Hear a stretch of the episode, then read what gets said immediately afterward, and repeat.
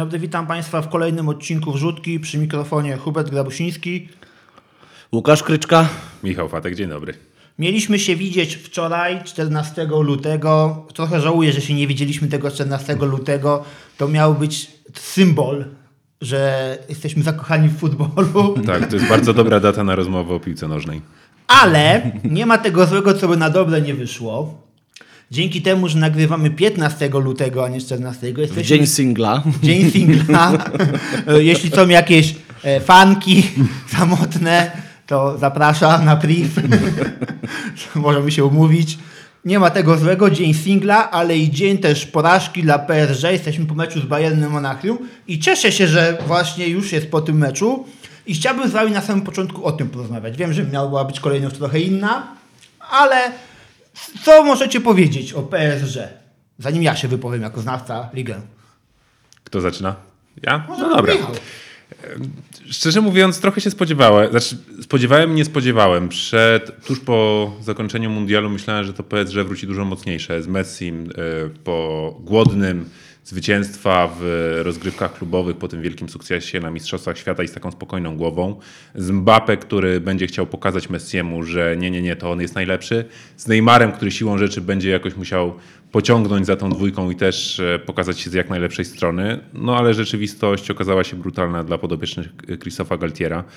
Nie dość, że e, odpadli z Pucharu Francji, e, ponieśli w ostatni weekend porażkę z Monaco w lidze francuskiej. No to teraz ten nieszczęsny mecz z Bayernem Monachium, gdzie PSG z wyjątkiem ostatnich może 10-15 minut, minut, gdzie tam e, Kylian Mbappé po wejściu starał się jakoś pociągnąć drużynę i faktycznie Paryżanie stwarzali zagrożenie, no to większość meczu PSG praktycznie nie istniało. W zasadzie był tylko Bayern, Bayern całkowicie dominował. I dziwię się, że skończyło się tylko na wyniku 1-0, no bo tak jak mówię, Bawarczycy byli stroną zdecydowanie mocniejszą i jedyne, co, czego im brakowało, to chyba trochę lepszy napastnik niż e, Erik Maxim czy Pomoting, bo mm, nie wiem, czy to do końca jest piłkarz na poziom Bayernu i trochę było widać, że właśnie e, zespół z Allianz Areny stwarzał sobie sytuację, potrafił do nich dochodzić, ale brakowało trochę tego wykończenia.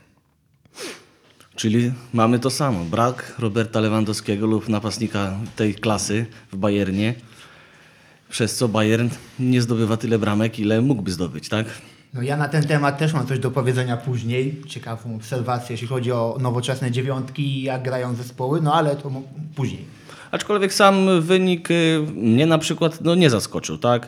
Y, Uważam, że PSG w takim zestawieniu gwiazdorskim to nie ma prawa wypalić według mnie. No, mo- mogą zdobyć y, mistrzostwo na krajowym podwórku, dominować, lecz w Europie, gdzie jednak zespołowość y, jest bardzo ważna i jakość, której co prawda tutaj nie brakuje, tak? Są najlepsi piłkarze świata, aczkolwiek y, widocznie po mundialu wrócili y, syci, można powiedzieć, y, grą, y, niewypoczęci. No, według mnie tutaj chyba już y, rewanżu Bayern nie wypuści raczej tej szansy i awansuje do kolejnej rundy.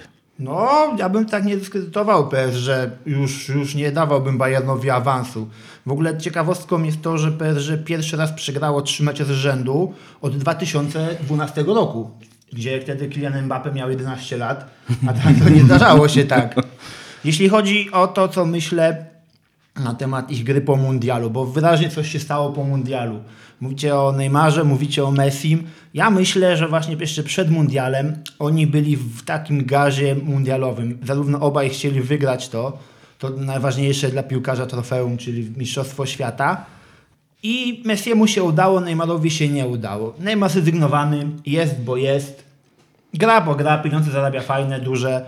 Messi syty, też już przestał czarować. Też, Messi już nic nie musi, on tylko musi wypełnić kontrakt i zgarnąć kolejne miliony. I co on może więcej wygrać? No nic już nie ma do wygrania. 450 milionów rocznie kontrakt w Arabii Saudyjskiej. Ewentualnie to. W ogóle ciekawe to jest z tym PSG, że mówi się o nich, że drużyna, która jest wiecznie w kryzysie y, mentalnym. W sensie oni wszyscy tam się w szatni kłócą, grupkują, same gwiazdy i, i nie ma, to się nie przekłada na jakieś tam sukcesy. Ale zauważcie, że żaden piłkarz tak naprawdę z PSG nie odchodzi. piłkarze tam są i przychodzą. Neymar przyszedł. Messi mógł iść wszędzie na świecie. No musiałby zejść z oczekiwań finansowych. Ale, ale przyszedł.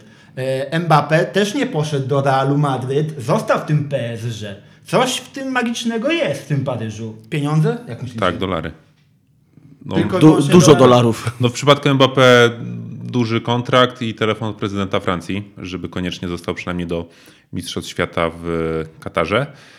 Jako dobro narodowe Francji dobrze by było z punktu widzenia Francuzów, żeby grał w ich narodowej lidze. No ale teraz znowu się mówi, że Kylian Mbappé ma problemy z pozostaniem w Paryżu, chce stamtąd odejść i wydaje mi się, że może do tego dojść. The Athletic podawał ostatnio, że co prawda latem ma nie odejść, ma, zosta- ma zostać jeszcze w Paryżu, ale już po zakończeniu następnego sezonu, kiedy skończy mu się ten gigantyczny kontrakt, który podpisał ostatnio, nie będzie chciał zostać na Parc des Princes i poszuka nowych wyzwań. Czy to będzie w Realu, czy w jakimś innym klubie, e, zobaczymy. No ale PSG prawdopodobnie mm, będzie musiało przejść jakąś zmianę pokoleniową. Nie wiem, czy to będzie z Al-Khelafim jako właścicielem, bo może się zdarzyć, że skoro już Mistrzostwa Świata w Katarze są za nami, to, to właśnie Al-Khelafi będzie chciał wyjść z tego PSG, szczególnie widząc to, jak sezon po sezonie drużyna zawodzi w tych, szczególnie w Lidze Mistrzów, gdzie no, niewątpliwie celem tej drużyny na każdy kolejny sezon jest zwycięstwo w tych rozgrywkach, a najczęściej jest tak, że kończą od razu w początkowej e, rundzie fazy pucharowej Champions League. Plus y, chciałbym jeszcze dodać to, co Łukasz powiedział, że mm, no, nowoczesny futbol wymaga drużyny, kolektywu, aby to jakoś wyglądało i można było rywalizować o najwyższe cele. No, z takimi właśnie piłkarzami z przodu jak Messi, Neymar i Mbappé, którzy we trójkę, każdy, z, każdy jeden z nich nie uczestniczy praktycznie w grze obronnej. Ciężko jest myśleć o jakichkolwiek sukcesach i wygrywaniu takich rozgrywek jak Liga Mistrzów, w których grają drużyny najlepsze z całego kontynentu. No ale oni przecież kupują inwestują w młodych piłkarzy, przed którymi jest przyszłość. No na to szansę, mimo że ten jakiś tam swój y, czas miał jako, jako przyszła gwiazda i nadal ma przed sobą moim zdaniem.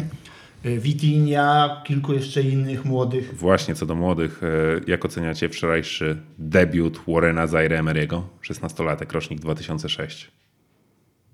Kogo? Warren Zaire Emery. No jest najmłodszy, najmłodszy, który Tak. wystąpił w fazie pucharowej bodajże, tak? Tak, Oglądałem ten mecz, ale chyba w tym momencie mi się Polsat zaciął, bo miałem problemy.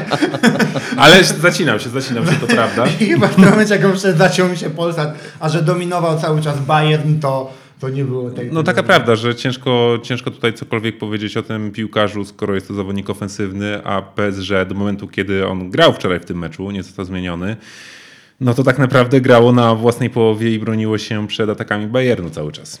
Ciekawy jest Bayern. To jest właśnie ciekawe w Bayernie, że oni mają w sobie ten gen dominacji. Nawet jak wygrywali po pierwszej połowie, zamiast się cofnąć, pozwolić grać PSG, to oni tak trzymali tą piłkę i cisnęli, cisnęli, cisnęli i cisnęli. Jest kilka takich zespołów na, na świecie i między nimi jest Bayern, który jaki by nie był trener, to jest, chyba mają to w D, tak zwanym DNA klubu. Muszą mieć. Kiedyś przecież było słynne powiedzenie, tak, że y, bodajże Garego Linekera, który powiedział, że mecz trwa 90 minut, a na koniec i tak wygrywają Niemcy, tak? Więc u nich ten y, gen zwycięstwa w doliczonym czasie gry istnieje od na pewno bardzo dawna. No wiecie, to jest tak, że Bayern u siebie na podwórku dominuje w każdym meczu, jest do tego zmuszony, żeby grać ofensywnie na połowie przeciwnika w każdym jednym meczu, no bo jest naj, zdecydowanie najlepszą drużyną Bundesligi. I to pewnie ci piłkarze Bayernu mają jakoś zakorzenione psychicznie, że jak wychodzą na mecz, jakikolwiek by to nie był rywal, czy to będzie w Bundeslidze, czy na przykład w Lidze Mistrzów, to mają atakować i taki jest ich cel na każdy mecz. Już skoro mówimy o Bayernie, ciekawa sprawa o Bayernie, Robercie Lewandowskim. Bayern, odkąd nie ma Roberta Lewandowskiego, ma rozłożone strzały porówno. Nie ma takiego jedno, jednoznacznego lidera e, strzelców w drużynie. Mniej więcej to się rozkłada porówno. Jak był Robert Lewandowski, to on miał zdecydowanie, zdecydowanie dużą część bramek strzelonych przez klub była strzelona przez niego. I zobaczcie analogię. Manchester City, zanim przyszedł Haaland, klasyczna dziewiątka, też te bramki były rozłożone między różnymi piłkarzami i tych bramek wcale nie było mniej niż teraz, jak większość tych bramek strzela sam Haaland. Co możecie o tym powiedzieć? Czy, czy...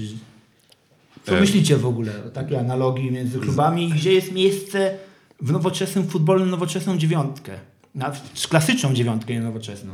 Jest ich niewiele, takich topowych i, i czy one będą w ogóle, po, że tak powiem, powstawały? Czy tacy piłkarze się będą kształtowali?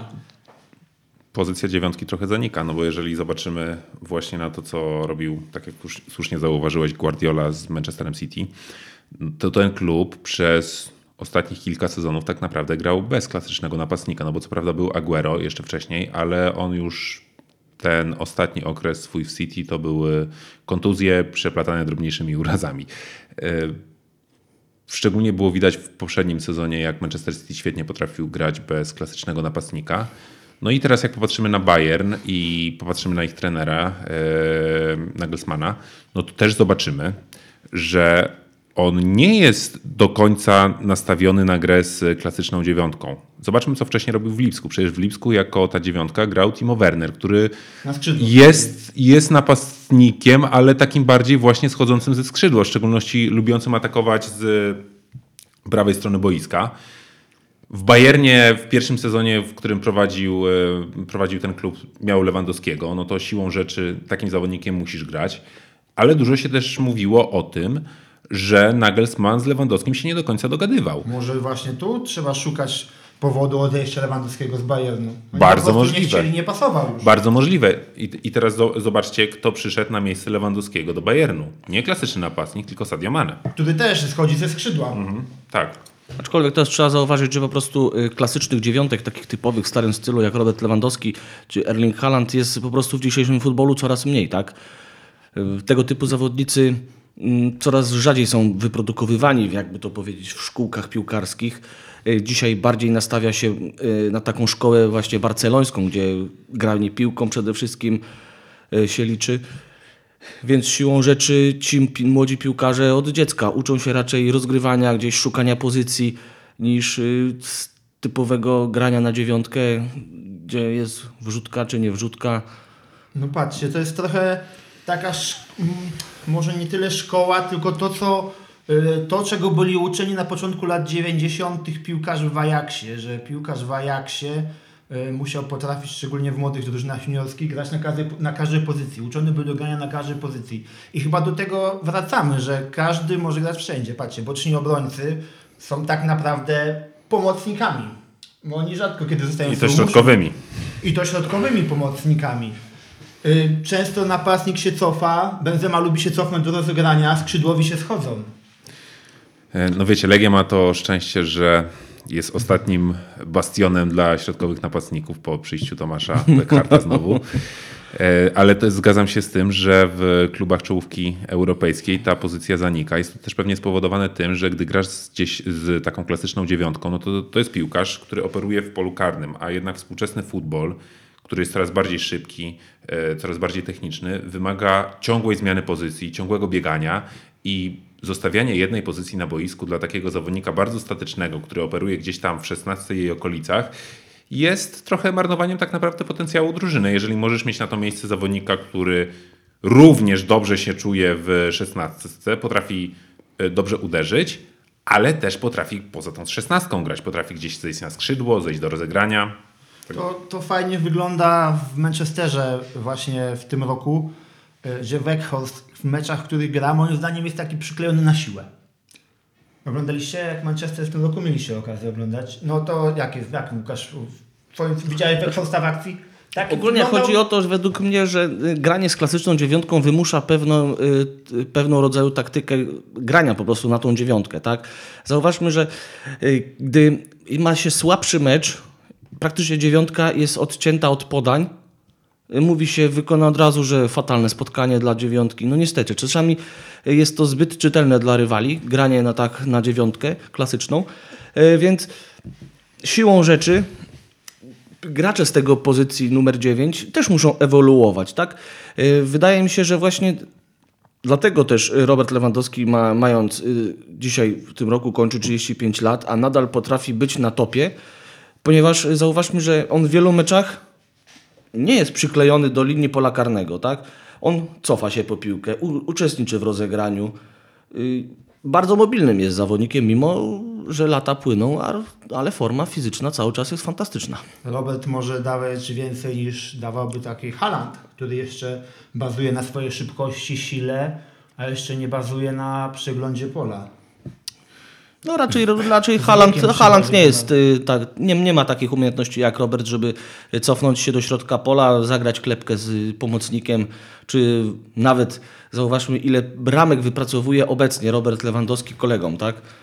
No z Halanda póki co to ja nie widzę w takiej sytuacji, No aby dawał asysty do De Bruyne czy innego Maryza, a Haaland to jest e, typ piłkarza, któremu masz zagrać piłkę na wolne pole, a on dzięki połączeniu swojej szybkości, siły i strzału po prostu zrobi z tą piłką co trzeba i umieści ją w bramce. Ciekawe, ciekawe czy, jak, czy jeśli to Premier, czy, czy jeśli to Manchester City będzie ukarany, to on odejdzie. Idzie, pójdzie. Pasowałby do Realu Madryt. E, Pytanie, bo e, tak, jeżeli chodzi o Real, to pojawiają się różne głosy, kto miałby przyjść jako napastnik, zastępstwo dla Benzemy tak naprawdę w przyszłym sezonie, no bo za dwa lata już ma przyjść Endrick i to pewnie docelowo on będzie tą pierwszą dziewiątką. Mówi się o Wlachowiczu, mówi się o Richarlisonie, oby nie. E, Więc tutaj mm, może być ciekawie, jeżeli chodzi o tą, tę pozycję numer 9 w Realu Madryt. Haaland na pewno również jest w kręgu zainteresowań Realu. Zresztą sam Haaland mówił, że Premier League nie jest jego pierwszym wyborem i nigdy, nigdy nie była i pewnie nigdy nie będzie. Manchester City to jest jakiś chwilowy przystanek w jego karierze i docelowo chciałby właśnie skończyć w Hiszpanii, w której pewnie jakoś ten styl życia mu się podoba. I też pewnie gra w Realu Madryt czy Barcelonie, no to jest takie spełnienie marzeń każdego piłkarza. To już jest taki absolutny szczyt futbolowy, gdzie nie ma nic wyżej.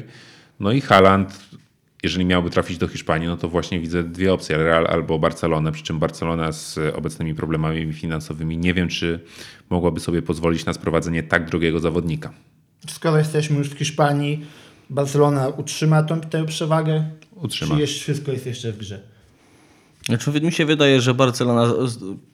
Real pozwoli Barcelonie, o tak bym na- nazwał, zdobyć tytuł, ponieważ Real się będzie skupiał na Lidze Mistrzów i tam będzie lokował wszystkie swoje siły, aby po raz kolejny sięgnąć po, Real po, po ten trofeum. swoją polityką transferową i tym, że jeszcze nie znaleźli y, takiego obecnego zastępstwa dla Benzymy, może myślę, że wywinduje ceny tych napastników. Wszyscy wiedzą, że oni potrzebują napastnika dziewiątkę i ktoś normalnie warty 50, Realowi krzykną 100. Nawet takiego Richarlisona czy jakiś, jakiś inny. Szczególnie, że wiedzą, iż Real ma pieniądze, no bo miał kupić Mbappé, ostatecznie tego nie uczynił, więc te środki, które miały być przeznaczone na kontrakt dla Francuza i na klauzulę odstępnego dla PSG po prostu są na rachunkach bankowych Realu i mogą być wykorzystane. Także tutaj niewątpliwie będą chciały to inne kluby wykorzystać i od Realu za ewentualną sprzedaż jakiegoś swojego zawodnika na Santiago Bernabeu uzyskać jak największą cenę. Co do samego Twojego pytania o to, czy Barcelona utrzyma przewagę, tak, uważam, że Barcelona utrzyma przewagę. Zresztą ja już przed e, rozpoczęciem sezonu mówiłem, że raczej mistrzem będzie Barcelona z prostego powodu. Real w ostatnich latach nie potrafi bronić raz zdobytego tytułu mistrza Hiszpanii. I ten sezon to pokazuje. Zresztą widać dużą analogię do tego, co się działo w sezonie 14-15, również w drugim sezonie Ancelottiego za jego pierwszej przygody w Realu, gdzie po kapitalnej pierwszej rundzie przyszedł ogromny kryzys, spowodowany wtedy głównie kontuzją Luki Modricza w drugiej części sezonu. Zespół stracił mistrzostwo, odpadł w półfinale Ligi Mistrzów z Juventusem. Mm, I też nie wiem, Łukasz, czy y, do końca mogę się z Tobą zgodzić, że Real będzie tak koncentrował się na Lidze Mistrzów. Oczywiście będzie się koncentrował, no, nie oszukujmy się, jak piłkarze Realu słyszą ten hymn Ligi Mistrzów, to e, coś e, dziwnego w nich wstępuje i grają o 50% lepiej niż zwykle.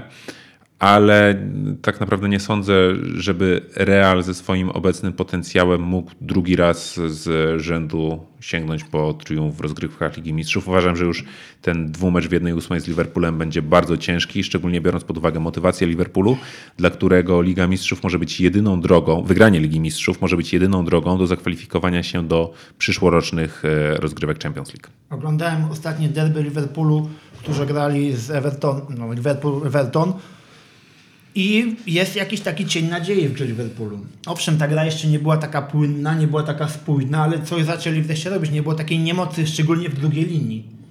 Może Van Dijk chyba jeszcze nie wróci na mecz z Realem. możliwe, że wróci.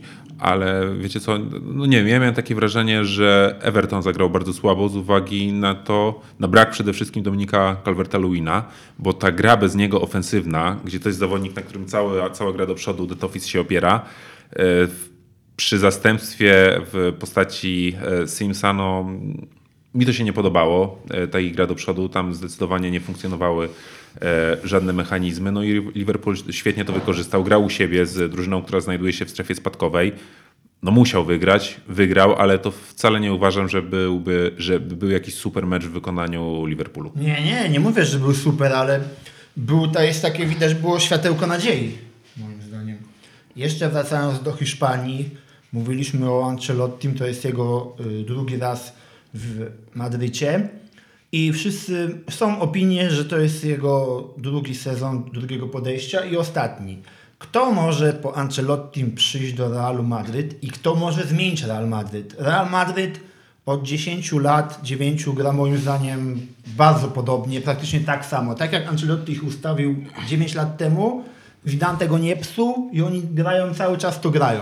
Czy jest możliwe, że, że Real Madryt się zmieni, nie będzie tego 4-3-3 zejść skrzydłowych do środka? Zobaczymy, tak? Mówi się na przykład, że możliwe, że Raul zastąpi Ancelottiego. Że każdy szuka swojego Guardioli. Być może. Zobaczymy w ogóle, no Raul jeszcze się nie pokazał szerszej publiczności jako trener. A czy on będzie szukał tej klasycznej dziewiątki? Nie wiadomo, że on może wy- wyznaje szkołę Pepa Guardioli, będzie chciał dominować, grać totalnie i nie będzie mu potrzebny taki zawodnik jak Haaland czy Wlachowicz i bardziej się skupi na graczu, y, który będzie podobny być może do Viniciusza, czy Rodrigo, czy y, będzie chodził troszkę na poziomie Benzemy. No zobaczymy jak to będzie, A tak? gdzie, gdzie ten Raul jest teraz? Ra Raul jest akurat trenerem w Castilla, Castilla, Realu tak. Madryt. A, myślałem, że ma jakiś mały klub w jakiejś innej Nie, to jest bardzo, bardzo popularna droga w Hiszpanii. Tak, zaczynasz od y, drugiego zespołu, albo wcześniej nawet od trzeciego, wcześniej w ogóle od juniorskich drużyn. Może I potem tak szczebel ale- po szczebelku. Tak, jeżeli mogę coś tutaj wtrącić, to Raulowi bardzo dobrze idzie w Castilla, bo no jest bliski awansu. W tym momencie e, rezerwy Realu Madryt zajmują drugie miejsce w swojej grupie trzeciej ligi, jedynie za Alcorcon. E, Więc na pewno tutaj e, ten postępy Raula jako trenera są bacznie śledzone w gabinetach Santiago Bernabeu. Innym takim wyborem, który może mm, przyświecać Florentino Perezowi i sztabowi sportowemu Realu Madryt, no to jest Xabi Alonso, któremu bardzo przyzwoicie idzie w Bayerze Leverkusen. No zdecydowanie odmienił tą drużynę od momentu przyjścia, bo gdy przychodził drużyna tam walczyła tak naprawdę o utrzymanie. A teraz jakoś tam zakotwiczyłeś... Zajmowała bodajże ostatnie miejsce Tak. w tabeli jak w momencie obejmowania zakotwiczyłeś w przez środku Alonso. tabeli, więc y, widać, że, że jakoś jego praca tam przynosi efekty, no i to może być na pewno y, w pewien pozytywny sposób poczytywane w Realu Madryt. Innym z kolei wyborem, takim może nieoczywistym, może oczywistym, wydaje mi się być Mikel Arteta. Ciekawe, czy Arsenal by go puścił. Czy, czy Arteta by chciał odejść? Myślę, że latem możemy się spodziewać dużego ruchu na rynku transferowym, może nie tyle e, piłkarzy, no ich pewnie też, ale trenerów. Dużo klubów potrzebuje nowych trenerów. No co? potrzebuje nowego trenera Real Madryt. Klopp w Liverpoolu, jego przyszłość nie wiadomo. Jak ukażą City, nie wiadomo czy Guardiola zostanie, czy nie będzie chciał gdzieś pójść indziej. Ale Real jeszcze nie potrzebuje tak naprawdę nowego trenera, bo co prawda pojawiła się ta plotka, która szybko została zdementowana, że Ancelotti po sezonie ma objąć reprezentację Brazylii. E, Ale tak naprawdę Ancelotti ma kontrakt nie do końca tego, tylko, tylko do końca przyszłego sezonu. Zapowiedział że to będzie jego ostatnia praca na ławce trenerskiej. E, I tak naprawdę nie widzę tutaj jakichś wielkich e, podstaw do tego, aby sądzić, że Florentino Perez miałby rozstać się z Carlo Ancelottim po sezonie e, jako, jako szkoleniowcem Realu Madryt. I tak naprawdę Włoch w przyszłym sezonie również będzie kierował zespołem z ławki rezerwowych. Tak jest moje zdanie. Zobaczyłem, bo jeszcze warto zobaczyć, jak się sezon rozstrzygnie. Jeśli Real odpadłby teraz w 1-8 z Liverpoolem, nie wygra Mistrzostwa Hiszpanii, być może Florentino Perez do, dojdzie do e, takiego skutku, że zwolni jednak Carletto na rok przed kon- końcem kontraktu, bo potrzebny będzie bodziec nowy na teraz, na już. Mo, może tak być, ale też e, zauważmy, że Real jest bardzo mocno nastawiony na przebudowę, która ma się zakończyć tak naprawdę z przyjściem Endrika. No i latem Juda Bellingama może. Zobaczymy, kto, kto przyjdzie, no ale na pewno e, Real, mam takie wrażenie, że w tym nadchodzącym letnim okienku transferowym mocno ruszy na rynek transferowy i będzie chciał domknąć tą kadrę na przyszłość, tak żeby ona była, wykrystalizowała się na następnych kilka lat i była na tyle mocna, aby Real mógł rywalizować o, o najwyższe tytuły w La Liga i w Lidze Mistrzów. I, I wydaje mi się, że do końca tego okresu przebudowy nie ma wielkiego sensu szukać innego trenera, bo i tak wiadomo, że Real teraz nie musi zdobywać trofeów. To kiedy będzie musiał, to tak naprawdę zależy od tego, kiedy ta przebudowa się zakończy. A tak jak mówię, ona się zakończy, mam wrażenie, z przyjściem Endrika za półtora roku. Wtedy ta kadra Realu będzie już na tyle wykrystalizowana, jeżeli chodzi o, o tych zawodników, który, na których Real będzie się miał opierać w przyszłości, że od sezonu tego 2024-2025 będzie można wymagać od Realu, żeby on faktycznie w każdym sezonie walczył o wszystkie trofea. A na razie to jest y, trochę na takiej zasadzie, że wygrywamy fajnie, wygraliśmy Ligi Mistrzów znakomicie, wygraliśmy Mistrzostwo Hiszpanii znakomicie, ale nie ma na to aż takiego ciśnienia. Natomiast z punktu widzenia kibica Realu Madryt bardzo chciałbym zobaczyć w tym sezonie Real triumfujący w Pucharze Króla, bo co do tych rozgrywek Real no nigdy specjalnie mu tam nie szło, już ładnych kilka lat e, tych rozgrywek nie wygrał. O ile się nie mylę, to od sezonu 10-11. Ale myślisz, że Real tak stawia na tego dziewiętnastolatka, to trochę ryzykowne. Jak powiedzmy ściągali Cristiano Ronaldo, to już był ukształtowanym piłkarzem, był dorosłym mężczyzną, wiadomo było jaka jakość za nim idzie. No, wiesz, nastolatka może jeszcze wszystko wyjść. Wiesz co? Ile ma lat? 16? 16, tak, ale w Realu sobie powiedzieli po tym, jak Barcelona im sprzątnęła sprzed nosa Neymara, że nigdy więcej, już nigdy więcej żaden klub im nie, e, nie ukradnie kolejnego Neymara. No i widzimy po ruchach Realu, że e, realizują tę politykę, bo zakontraktowali wcześniej Viniciusa, Rodrigo, teraz Endrika, no i pewnie na tej trójce jakoś ta ofensywna e, siła Realu w przyszłych sezonach będzie się opierać. Ja osobiście uważam, że Endrik jest niesamowicie utalentowany i to naprawdę może być nie tyle Neymar, to może być drugi Ronaldo El Fenomeno. No aż tak? Aż tak. Mm, To będziemy z niecierpliwością czekać na jego wy, wy, występy w Europie. Muszę sobie na YouTubie pooglądać jakieś kompilacje. Bo tak średnio znam tego, tego piłkarza. Polecam, polecam. Chyba, wiem, że chyba już ma dziecko. A nie wiem, w życie, w życie, prywa- w życie prywatne piłkarzy nie wchodzę, ale, to, ale jeżeli ma dziecko, to dobrze, bo znaczy, że musi, musiał stać się odpowiedzialny i Nie, No to tak- ostatnio taka z. Rodrigo była afera, że tam zostawił, pojechał na chwilę do Brazylii, dzieciaka zmajstrował i, i wrócił do To Hiszpanii. I Dani teraz, Alves też próbował. i- Dani Alves jest akurat chyba w areszcie teraz siedzi. tak, on Tak. cały czas siedzi. No. Ale gwiazdą jest ponoć. Jak tylko przyszedł, to... Bawią się chłopaki na tak, całego. y, dostał wiadomość od współwięźniów, że jeśli czegoś będzie potrzebował, żeby się niczym nie przejmował, niczym niczego się nie bał. To, to jak z Ronaldinho swego czasu, tylko on chyba siedział nie w więzieniu e, brazylijskim, Paragwaju? tylko W paragwajskim. Paragwa- Peru, Paragwa- no. W Paragwaju siedział Bradlandinho. No. I zorganizowali turniej piłki nożnej. Resocjalizacja i też, żeby niczym nie przejmował, powiedzieli mu wszyscy. Miło, że są szanowani. Miło, miło. Wracając do rynku trenerów, myślicie, że kto będzie trenował oprócz Kyliana Mbappe PSG? Bo ci wszyscy ostatni trenerzy to są trochę tacy pozoranci. Ten ostatni też moim zdaniem jest pozorantem. Jest jedno oczywiste nazwisko. Zinedine Zidane.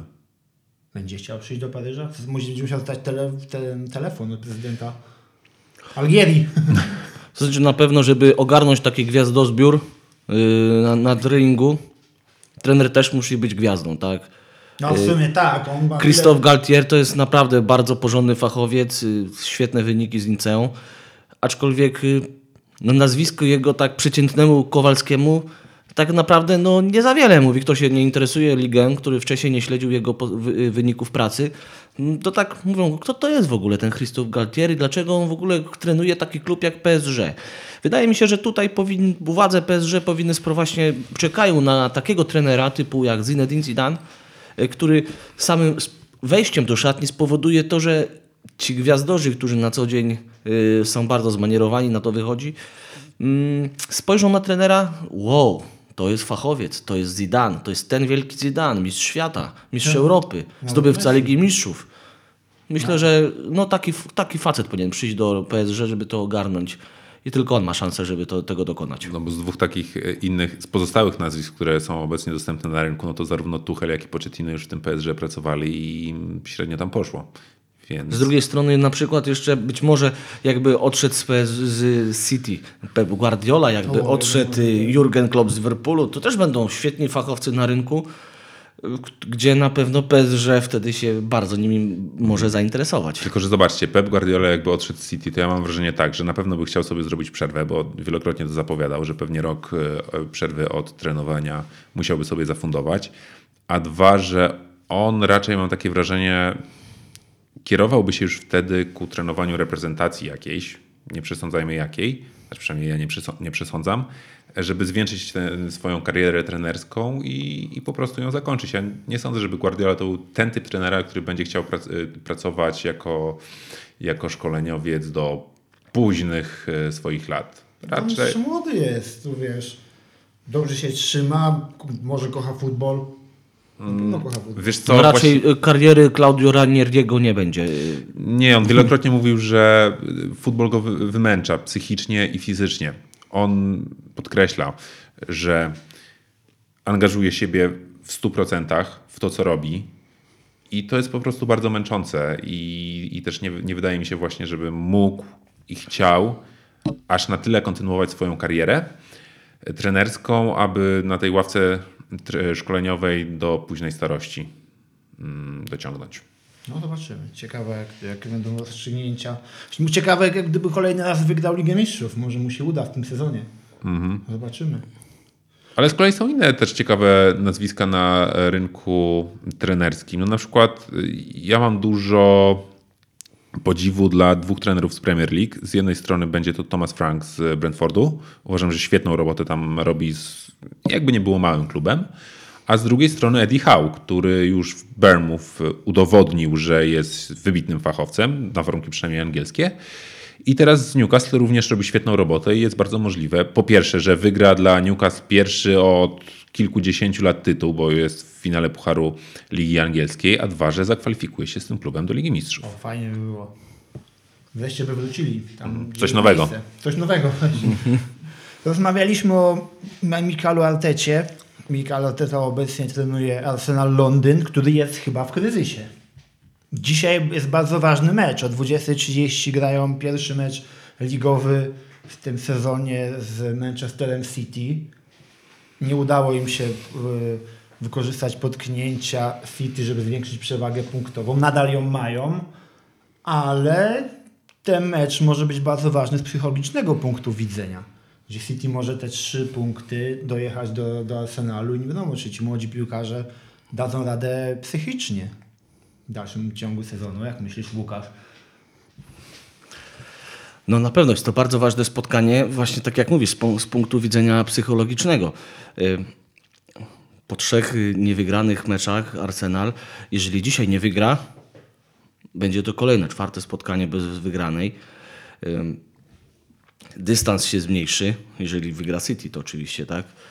E, Pytanie, jak piłkarze i trener zareagują na to kolejne ewentualne potknięcie?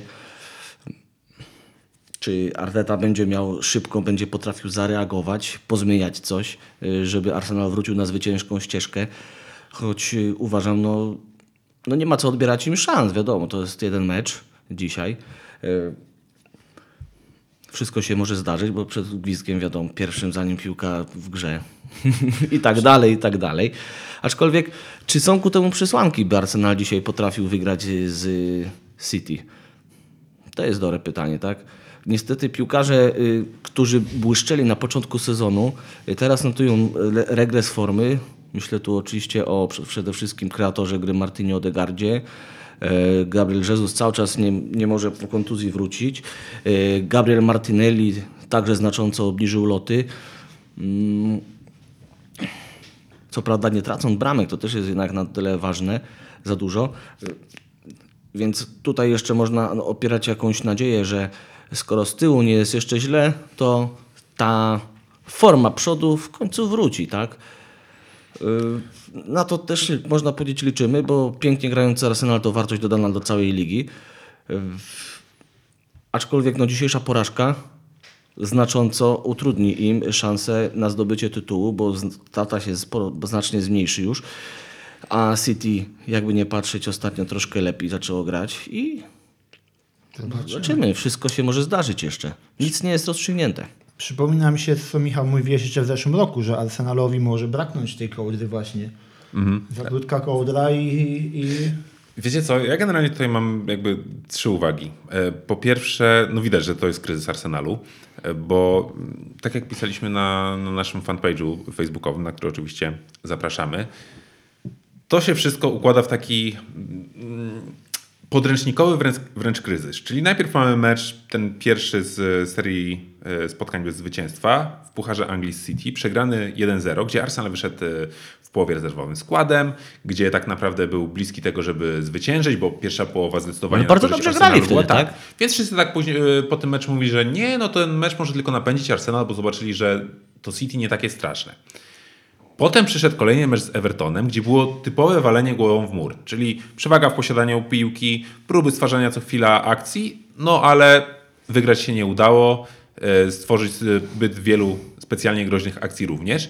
No i ten ostatni e, mecz z Brentfordem, tak naprawdę to, to już był po prostu słaby mecz w, w wykonaniu Arsenalu. Tam gra się nie przegrali układała. niesłusznie. Przegrali niesłusznie. Oczywiście ja się, ja, ja, się, ja się z Jak tym Barcelona z Interem. Tutaj, tak, tutaj nie, ma co, tutaj nie ma co polemizować. Po prostu została źle wyrysowana linia spalonego e, przez VAR. E, No ale przez, przez cały mecz tak naprawdę Arsenal grał bardzo słabo i, i to, ta strata punktów była tak naprawdę e, zasłużona.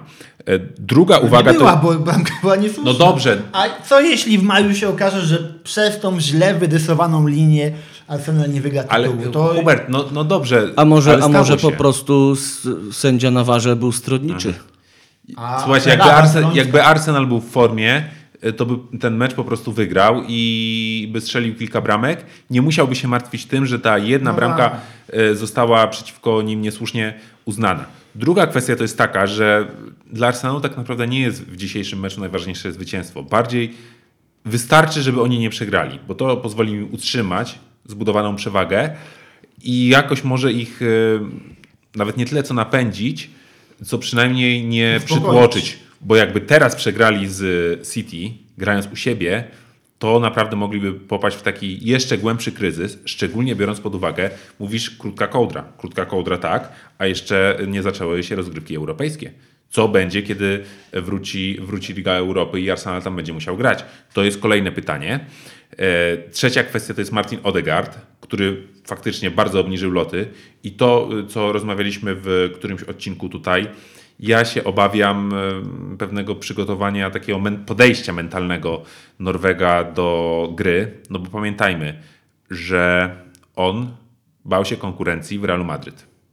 Real... Dlatego, dlatego odszedł do Arsenalu. I czy teraz, kiedy pojawia się taki moment w drużynie, której jest liderem, że ok, walczymy o mistrzostwo, mamy na to realną szansę, drużyna trochę popadła w kryzys i oczekujemy od tego Odegarda jako lidera drużyny, żeby pociągnął zespół do coraz lepszej gry, no czy on to dźwignie? Bo ja tutaj mam wątpliwości, czy będzie w stanie właśnie e, unieść ten ciężar na swoje barki i doprowadzić do tego, że Arsenal wróci na zwycięską ścieżkę. No na pewno ciekawą, na pewno światełkiem nadziei jest y, Trossard, który w meczu ostatnim, którym co sam mówiłeś, że Arsenal tak słabo grał, jak już wprowadził ożywienie w szeregach Arsenalu. Powinien grać zamiast Martinelliego, który jest w bardzo słabej formie od powrotu piłki klubowej po mundialu. Mam nadzieję, że, że jeszcze się lepiej wklei w tę drużynę, ale on pasuje właśnie do Arsenalu, ten jego styl. Ja lubię go oglądać, ja mu jeszcze kibicowałem, jak w poprzednim klubie, oglądałem mecze z jego udziałem. A słuchaj, e, Hubert, ty jako ekspert O, od Ligi ja. Francuskiej, Od francuskich rzeczy. Tak. e, ja, przyznam szczerze, ja przyznam szczerze, że nie śledzę aż e, tak uważnie, ale słuchajcie, w Reims, w lidze francuskiej, gra zawodnik, napastnik wypożyczony z Arsenalu, Folarin Balogun, 21-latek i w tym momencie jest liderem strzelców klasyfikacji strzelców Ligi Francuskiej. A drugi Ben Yedder. Tak, z bramkami strzelonymi 15 i jedną asystą. Czy w związku z tym, że w, nad Sekwaną po, po tamtejszych boiskach biega taki zawodnik, który po sezonie wróci do Arsenalu, to konieczne jest poszukiwanie jakiegoś dodatkowego zastępstwa dla Gabriela, Gabriela Jezusa, czy generalnie wzmocnienia tej przedniej linii? Enktach jest przecież, też świetnie gra. I właśnie jestem ekspertem Ligi Francuskiej, dlatego że oglądam tę ligę, ponieważ uważam ją za wielką ligę talentów i kuźnię talentów. Kuźnia talentów europejskich, europejskiej piłki jest we Francji. A wiesz, że oni się tak reklamują? E, e, Liga Talentów. To jest e, hasło. No ale hasło, się promocja, wiesz. Ja zawsze byłem podatny na reklamy. Te, co mi wyskakują, to ja kupuję tam. No wystarczy spojrzeć, ile pieniędzy tam co roku przy okazji każdego okienka transferowego wpływa na konta klubów francuskich. Ale Jak, jaki potrafią. drenaż y, drużyn następuje, zwłaszcza ze strony angielskich klubów. y, Niemieckich. Niemieckich także. Hiszpańscy trochę mniej. Do Hiszpanii idą z Niemiec. już Tak, później. przecież teraz e, wzięli, wziął Eintracht Kolomoniego z Ligi Francuskiej i zaraz go sprzeda z kilkukrotną przebitką tak naprawdę, bo nie sądzę, żeby cena wokół tego piłkarza miała zakręcić się poniżej kwoty 100 milionów euro, patrząc co, co on prezentuje w rozgrywkach Bundesligi. A co ciekawe, oni nie tylko e, młodych Francuzów kreują na piłkarzy, ale też pił- młodych piłkarzy z innych krajów ściągają do siebie i potrafią z nich robić dobrych piłkarzy. Eden Hazard najlepszym przykładem. No jeden z przykładów. Mają ogromne kontakty, no z racji pewnie pozostałości po kolonializmie w Afryce. Piłkarze z Afryki ściągają tłumami do, do Francji i oni mają w swoich strukturach dobrych skautów. Warto też zauważyć, że praktycznie chyba każdy klub ligę e, ma swoją jakby też filię szkółki właśnie w krajach afrykańskich, tak? I, I to procentuje. To procentuje. Wiedzą jak wykorzystać. I mi się wydaje, że oni właśnie są tą kuźnią talentów. Francuska liga, portugalska liga, ligi szkółki. No i, no i holenderska. No to też holenderska, ale oni tak... A w ogóle słuchajcie, e, nie wiem, czy ja przynajmniej mam takie wrażenie i nie wiem, czy je podzielacie, że to, co najbardziej hamuje rozwój Ligi Francuskiej, pod takim kątem, żeby drużyny z tego kraju na przykład osiągały lepsze wyniki w rozgrywkach europejskich, to jest to, jak bardzo ta liga jest zmonopolizowana i można by wręcz rzecz, rzec, że zdewastowana przez PSG. Nie. No bo nie? Nie zgadzam się. Y, Liga niemiecka jest równie, można powiedzieć, zdewastowana, zmonopolizowana przez Bayern Monachium, a Eintracht potrafił wygrać Ligę Europy rok temu? Potrafił. I mimo, że możemy później porozmawiać sobie o sytuacji w Niemczech, ale mimo, że Bayern nie odskoczył daleko swoim konkurentom, ale mogę się założyć, mogę nawet 100 zł postawić w Bookmachera wybranego przez Was i potem cele na charytatywne, czyli wyjście nasze rzutkowe, że Bayern zdobędzie ten tytuł. Że, że dojedzie z tym tytułem. I te kluby z, w Niemczech y, z jednej strony są drenowane przez Bayern. Bayern jako najbogatszy klub skupuje, podkupuje im piłkarzy, a z drugiej strony nadal potrafią utrzymać taką jakość, żeby osiągać sukcesy w europejskim futbolu. To prawda. I Dobry- we Francji mogliby zrobić to samo. Nie wiem, co się dzieje. Dobry argument, ale ja, ja tak odnoszę się historycznie, że jeszcze kilka, kilkanaście lat temu e, Lyon, potrafił grać w półfinale Ligi. Mistrzów. Ta, tak, ale Ale nie No było dobrze, Marsylia gra- Marsylia ale, grała ale zmonopolizował Lyon wtedy, aczkolwiek w tym samym Też okresie e, Girondin Bordeaux również grało świetnie w Europie, tak? tak, tak, zdecydowanie. Ożer, nasz yy, Ireneusz Jeleń, chyba miał trzecie miejsce w klasyfikacji strzelców. Oser. Te- Oser. no, jestem specjalistą od francuskiego. Ożer się mówi. W moim regionie Francji tak się mówiło, to po prostu jest dialekty są. Nie no, żartuję. Ale no, kiedyś była tam... Ale oni nie, też podkupują piłkarzy innych, z innych klubów, ale nie drenują tak ligi, jak potrafi drenować ligę Bayern, moim zdaniem. Gdzie, Bayern często za darmo kontraktuje piłkarzy. Przecież Tak. najlepszym przykładem Gece, czy Hummels, czy Lewandowski. który- Mało, mało kto się jest piłkarzy w Niemczech, który jest na celowniku Bayernu, nie, nie, nie, nie, nie przechodzi do tego Bayernu. Znaczy po prostu wydaje mi się, że w Niemczech tak jest, że szczytem kariery y, w w tym kraju jest po prostu transfer do Bayernu. Każdy o tym marzy, nawet grając w drugim czy w trzecim zespole ligi, aby przejść do Bayernu Monachium, tak? Że to się równa z takim szczytem szczytów kariery piłkarza niemieckiego. Pomogłoby to, gdyby któraś z drużyn niemieckich osiągnęła sukces, może Liga Europy nie jest takim kalibrem, ale sukces w Lidze Mistrzów, jakaś Borussia, czy ktokolwiek. No jakby- Borussia osiągała sukces będąc w finale Ligi Mistrzów z Bayernem, Bayernem. ale e, zobaczcie, Bayern musi trochę tak postępować, prowadzić taką politykę bardzo drenującą to, ten krajowy rynek, dlatego że on nie jest w stanie konkurować z zespołami angielskimi na przykład o czołowych piłkarzy z innych lig. Po I prostu go na to tak nie stać. I ta liga Tak. też nie jest tak atrakcyjna, żeby ściągnąć najlepszych piłkarzy. Wiecie, Jude Bellingham woli z topowej drużyny Bundesligi iść do Liverpoolu, który no owszem jest topową drużyną nadal europejską, ale ma problemy. Ale, no nie mówimy o Realu Madryt, Barcelonie, sam mówisz już wcześniej, jakim to jest kalibrem ten, te, te kluby są. Ale wprost się mówi, że on już tam nie będzie grał, jego przystanek się skończył, wczesny przystanek w karierze. Z Francji idziesz do Niemiec, z Niemiec przeskakujesz dalej. Znaczy do Bayernu może by przeszedł, jeżeli, jeżeli Bayern by mu zaproponował kontrakt. No tylko, że właśnie Bawarczycy nie sądzę, aby byli w stanie wyłożyć za Anglika 100, 120 czy więcej milionów euro. Ja myślę, że Jude Bellingham to może to przebić. Skoro Enzo Fernandez, owszem, bardzo dobry piłkarz, podobały, podobają mi się jego występy w tragicznej Chelsea, ale podobają mi się jego ostatnie występy w, w nowym zespole. Ale skoro on kosztował 105 milionów bodajże, tak? E, 121. więcej. Tak, tak, A, tak. bo 105, 105 funtów. 105 była klauzula, ale Chelsea przebiła klauzulę, dlatego aby Benfica w trakcie negocjacji zgodziła się na to, iż Chelsea zapłaci za ten transfer w ratach.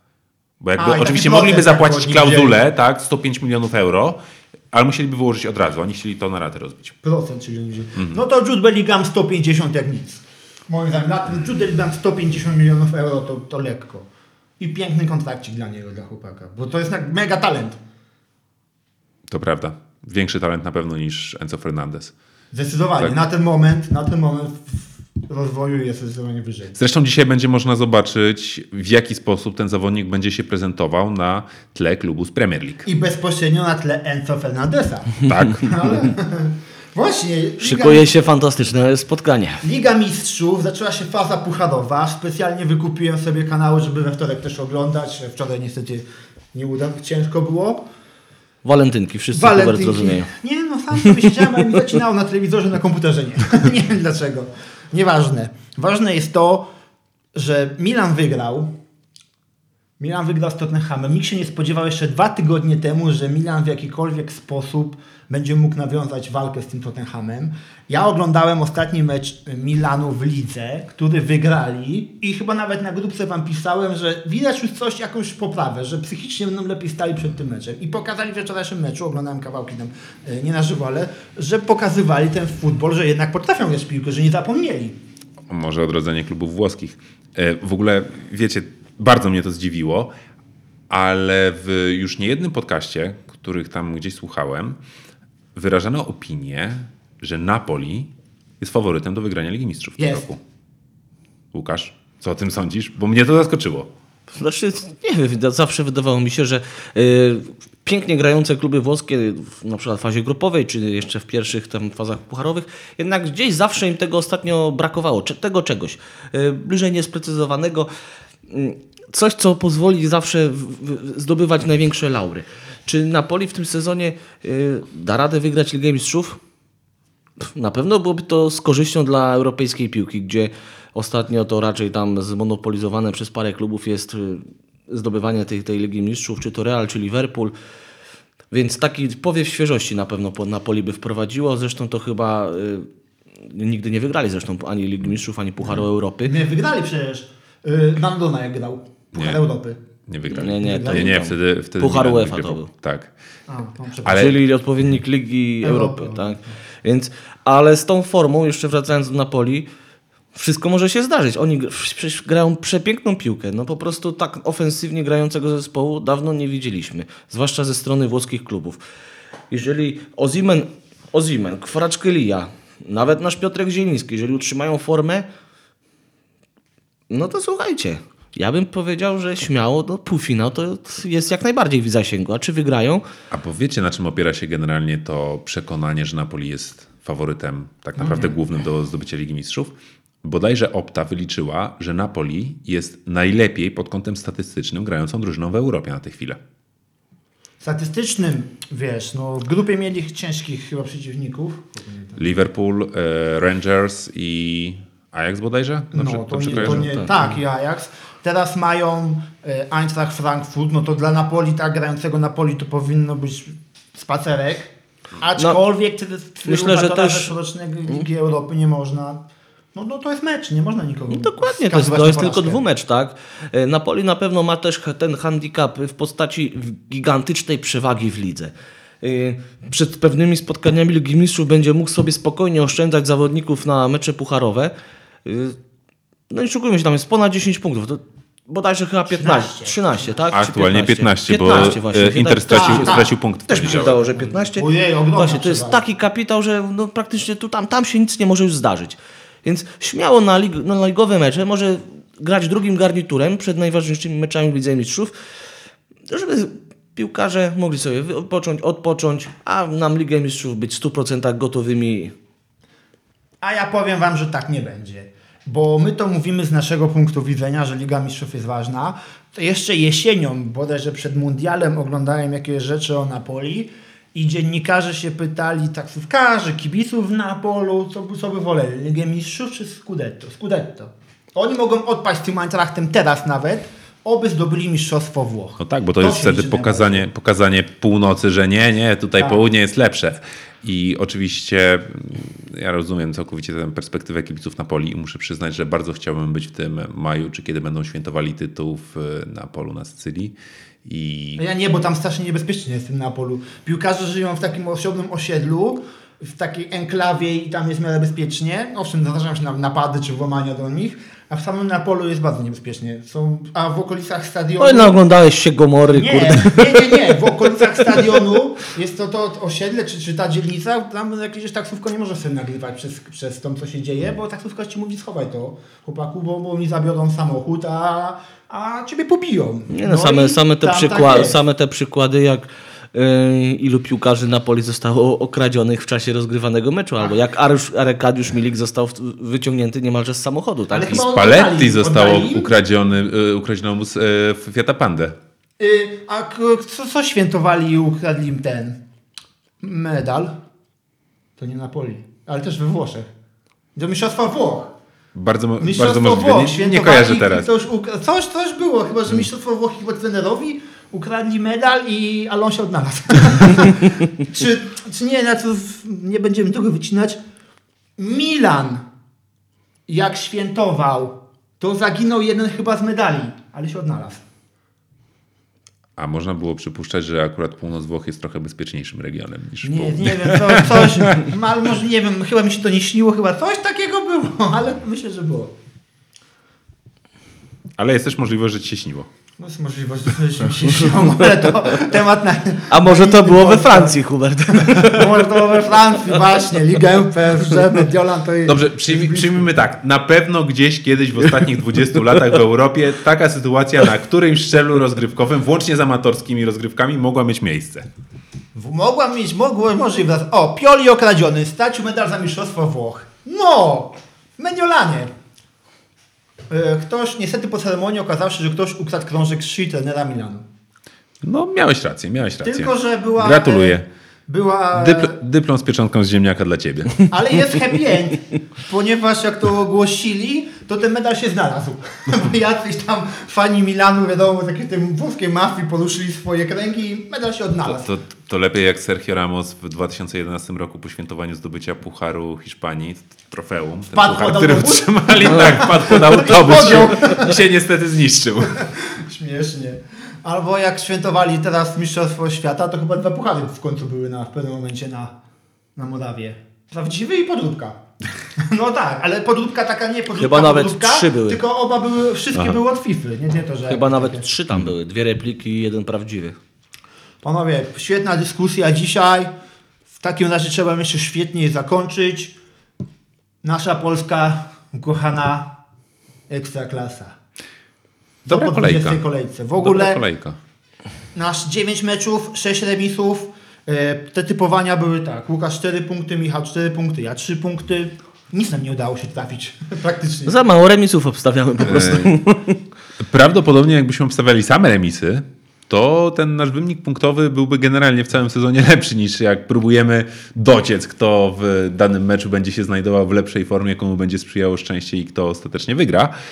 Ale moim zdaniem ta ostatnia kolejka była ciekawa. Yy, Szkoda, pa- że Legia nie wykorzystała potknięcia Rakowa. Szkoda, ale ten mecz z Krakowią, no Bardzo, Ciężko to bardzo oglądało, ciężki, ciężko to bardzo się oglądało. statyczny, bardzo wolny. Krakowia Jezu. okopana w, w swoim polu karnym praktycznie. No raczej nastawiała się na przeszka- przeszkadzanie. I dlaczego Josue wykonuje karne, jak on tego nie umie robić? Może na To przełamanie. jest dobre pytanie, no. Na przełamanie może. Nie wiem.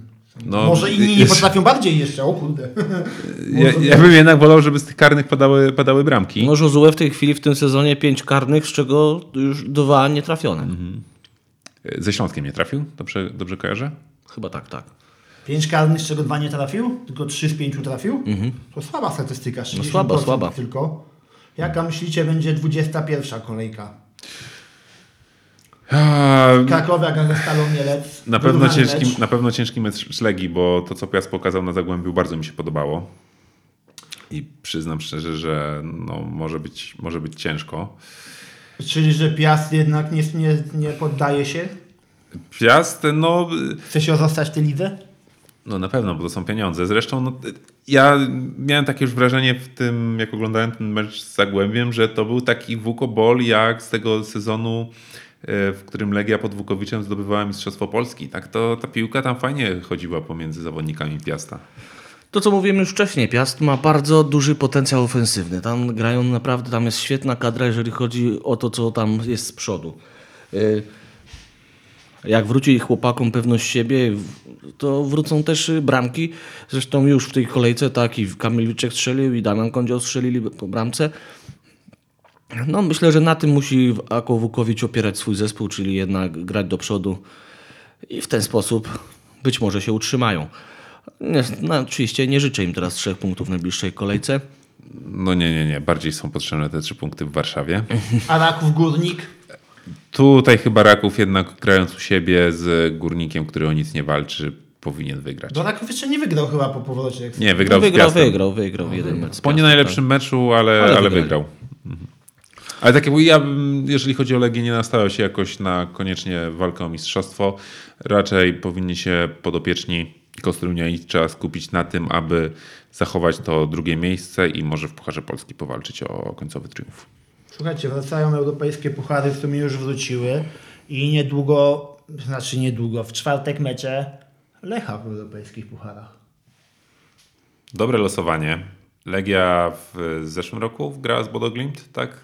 Dobrze kojarzę? W eliminacjach. Tak. I Tak, tak. Wtedy Wygrali jeszcze, tam- jeszcze Kacper Skibicki oszukiwał, że może być dobrym piłkarzem. ten pierwszy mecz w jego wykonaniu, w ogóle ten pierwszy mecz, e, bardzo dobry początek Legii. Pamiętam wtedy tak Ta ostro się, co się, co, co się dzieje. Czy, No, Leg- też byłem w szoku. czy Legia tak potrafi grać w piłkę? E, No później ostatecznie ten, ten dwumecz był, był bardziej wyrównany. Ale pamiętajmy, Bodo Glimt potrafiło pokonać na przykład Romę 5 do 1. To, to sztuczne, sztuczna murawa. Tak, sztuczna murawa to- mhm. Wiesz, pewnie tam zimno było, tam że bardzo dobrze też szkolą piłkarzy, tak? Tam przykładem transfery choćby Jensa Peterhauge. To, że prędzej czy później Lech odpadnie, czy teraz, czy na następnym szczeblu, to jest praktycznie no, pewne. Ale jak nawet te dwa lub ewentualnie cztery mecze na nich wpłyną w pucharach. Dobrze wiemy, że jak Lech gra w pucharach, to idzie im bardzo, chyba w większości drużyn polskich, co grają w pucharach, zaczyna automatycznie nie iść w lidze. Nie no, A fatalnie teraz wpłyną. Fatalnie wpłyną, jeżeli będą faktycznie grali w e, tej lidze konferencji dłużej niż ten jeden dwumecz z Bodo Glimt. To będzie im bardzo ciężko w lidze i i przewiduję, że będą mieli dużo jakichś strat punktów, remisów, porażek i może im podium i w konsekwencji udział w europejskich pucharach w przyszłym sezonie odjechać. Ostatnie lata pokazały, że występy w europejskich pucharach nie idą zupełnie w parze z grą w lidze. Tak? Wszystkie zespoły, które przeważnie wszystkie zespoły, które występują w europejskich pucharach w lidze tracą punkty notorycznie. Mają fatalny, przy w naszym przypadku naszych drużyn to jest to fatalny start rozgrywek. No teraz przykład Lecha udało się awansować do, do wiosennej części tych, tych pucharów, więc jest to na pewno duży sukces. Z niełatwej grupy. To jest z niełatwej grupy, tak? To godne, godne podziwu i szacunek dla nich za to, co zrobili. Na pewno dla Lecha y, będzie dobre to, że raczej się nie osłabili, też nie wzmocnili, co prawda, aczkolwiek kadra utrzymana, nikt y, z tych kluczowych graczy nie odszedł. Zobaczymy, No, czy, gra. Właśnie, ale jaki ma Lech na siebie pomysł? Lech to chyba z polskich klubów za najwięcej pieniędzy zarobił w ostatnich latach na transferach. Mają bardzo fajny, fajną szkółkę. Dużo wychowanków wprowadzają Jak- do jak- drużyny. Jak myślicie właśnie? No przecież- oni mają ten pomysł na siebie? Co oni chcą? Mamy, był Dlaczego Bednarek, był Kamiński, był mm, Kownacki, tak, tam, Brighton, y, środkowy pomocnik. Moder, Moder, właśnie. Także w- tutaj teraz jest e, Markwiński, mm, jest, e, jest Skóraś zaraz pewnie Skóraś, odejdzie. tak, no jakby jest tam na czym zarabiać. Plus bardzo dobry napastnik w postaci Mikela Iszaka. E, Przedłużony z nim kontrakt na gwiazdorskich warunkach. Jakby nie było, no, tak naprawdę jedyną słabsz, słabiej obsadzoną pozycją w Lechu na ten moment jest bramkarz, mm, bo jakoś mnie Filip Bednarek nie przekonuje. No, Bogdan Rudko też na pewno nie. Artym Rudko, przepraszam. E, tak. Zdecydowanie e, bardziej przekonuje mnie wypożyczony do Stali Mielec bramkarz e, Lecha Poznań.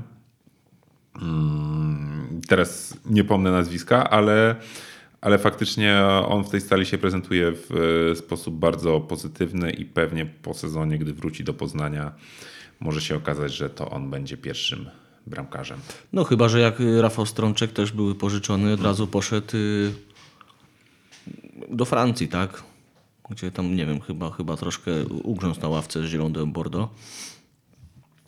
Aczkolwiek odnosząc się jeszcze do Ekstraklasy, y, chciałbym zauważyć pewną tendencję, y, taką, że mm, nie opłaca się w naszej lidze posiadać piłki. Tylko trzy zespoły, w tym oczywiście Legia, y, Raków i Lech, potrafią wygrywać w, w tym roku spotkania, mając większe posiadanie piłki niż rywale. No, to jest naprawdę, to nie jest dobra reklama dla naszej ligi, według mnie. Zupełnie nie jest. Zauważmy, że te zespoły, które są najpotężniejsze obecnie w Europie, to one dominują w każdym miejscu boiska. Mają największą kontrolę piłki, najwięcej podań, najwięcej strzałów, najwięcej wszystkiego. U nas, u nas jest to po prostu zaburzone, tak? Oprócz poprzednio trzech wspomnianych przed nami drużyn, e, pozostałe mecze, w których e, jeden z zespołów miał około 60% posiadania piłki, e, ten mecz co najwyżej remisował, a bodajże tam e, praktycznie 60, e, tam patrzyłem, 66% prakty, prawie meczy e, kończy się z wygraną zespołu, który tej piłki praktycznie nie miał. Tragedia. Albo 38% tych podań celnych, czy tam 58%, albo piłki nie trzymają. To oni Ale to, to, to zobaczcie, to też jest trochę tak, że później przychodzą mecze, jak gramy w europejskich pucharach z drużynami słabszymi, gdzie tę grę trzeba prowadzić i po prostu te nasze drużyny nie potrafią, nie wiedzą jak to Bo zrobić i przegrywają. się prowadzi grę. Dzisiaj wy, przypomniała mi się gdzieś, zauważyłem piękną anegdotkę z dawnych lat, y, którą opowiedział Sebastian Mila, e, który taką przytoczył historię z czasu, gdy był trenowany w Śląsku przez Oresta Lęczyka. E, na pytanie zadane przez niego do trenera, trenerze, dlaczego my w ogóle nie ćwiczymy ataku pozycyjnego, trener odpowiedział swoim, swoim szelmowskim uśmieszkiem, ale po co, wy i tak to, przecież tego nie potraficie. Nie no, bo ataku pozycyjnego trzeba się uczyć raczej, znaczy w ogóle gry w piłkę trzeba się uczyć od najmłodszych lat. Już 25-letniego czy 30-letniego zawodnika nie nauczy się e, prosto kopać futbolówki. Tym pozytywnym akcentem dziękujemy Wam za uwagę. Zapraszamy na mecze, które będą w ten weekend. Są europejskie puchary, jest Ekstraklasa, jest Premier League, jest wszystko. Tak, Fortuna pierwsza liga wróciła. Też. Hubert się cieszy, bo on bardzo lubi oglądać pierwszą Ligę, ligę. Fortuna, Fortuna E. No, ja lubię takie. Mam teraz ten Polsat Go, to mam też Kanal Plus 3 i 4, więc będę więcej Ligi naszej Polskiej oglądał. E, Czyli jak rozumiem w przyszłym tygodniu będziesz specjalistą tutaj od Ekstraklasy. No, zobaczymy. Będę sobie oglądał wszystko. To do tej Dobrze, pory. 9 meczów masz do obejrzenia w weekend Ekstraklasy. Możliwe, Przynajmniej połowę powinieneś. zwolnienie lekarskie wezmę na następny odcinek, to wszystko obejrzę. Dziękujemy Wam za uwagę. Zapraszamy za tydzień. Dzięki wielkie. Łukasz Kryczka. Dziękuję, było bardzo miło. Do następnego. Do następnego.